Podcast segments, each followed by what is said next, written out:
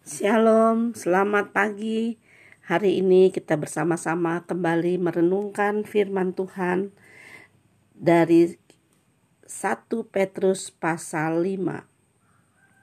Ayat yang kita akan bahas hari ini adalah 1 Petrus pasal 5 ayatnya yang kelima. Demikian jugalah kamu, hai orang-orang muda, tunduklah kepada orang-orang yang tua dan kamu semua rendahkanlah dirimu seorang terhadap yang lain, sebab Allah menentang orang yang congkak, tetapi mengasihani orang yang rendah hati.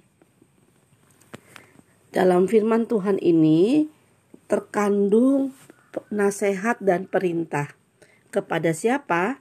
Kepada orang-orang muda. Apa nasihat firman Tuhan hari ini? Nasihatnya adalah tunduklah kepada orang-orang yang tua. Itu yang pertama.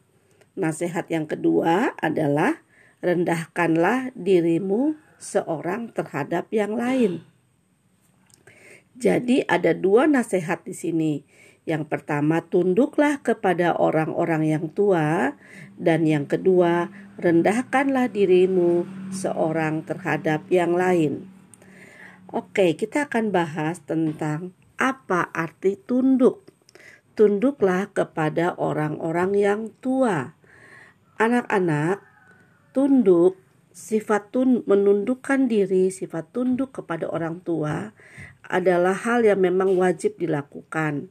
Seperti anak-anak tahu dan anak-anak belajar dari saat dari kitab Efesus pasal 6 Hai anak-anak taatilah orang tuamu di dalam Tuhan karena haruslah demikian.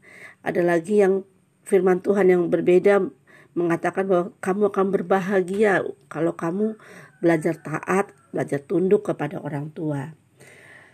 Tunduk itu apa kalau kalian melihat tunduk itu berarti kita menempatkan diri kita ada di lebih bawah. Kita tidak meninggikan diri. Tunduk itu memiliki makna. Maknanya apa? Makna tunduk itu dimulai dari mendengar. Mendengar.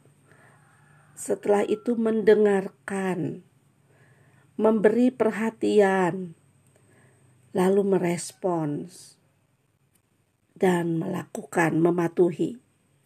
Jadi makna tunduk itu bu, e, adalah dimulai dari kita mendengar, mendengar, mendengar waktu mama bicara, papa bicara kita mendengar. Tetapi mendengar saja tidak cukup. Diperlukan mendengarkan. Bedanya apa? Kalau mendengarkan itu berarti kita memberi telinga kita untuk dengan sungguh-sungguh mendengar. Kalau mendengar saja itu ya dengar. Dengar saja dengar sekilas ya bisa mendengar. Tapi kalau mendengarkan itu tidak bisa hanya sekilas. Mendengarkan itu membutuhkan perhatian. Jadi mendengarkan lalu belajar merespons Iya ma, ketika mama memerintahkan mengatakan atau guru mengatakan sesuatu, respons, beri perhatian, beri respons, dan belajar melakukan. Itulah tunduk.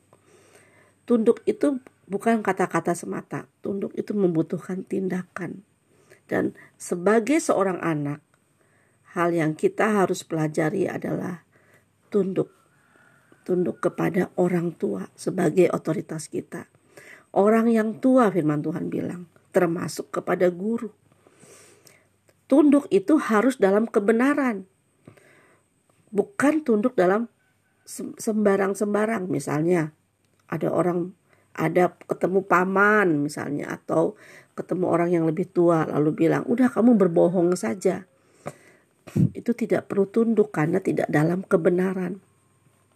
Kata tunduk itu harus dilakukan di dalam kebenaran. Ketika orang yang tua, yang hidup benar, mengatakan sesuatu, sikap tunduk adalah kita mendengar, lalu mendengarkan, memberi perhatian, merespons, dan pada akhirnya mematuhinya. Itulah arti kata tunduk. Ya.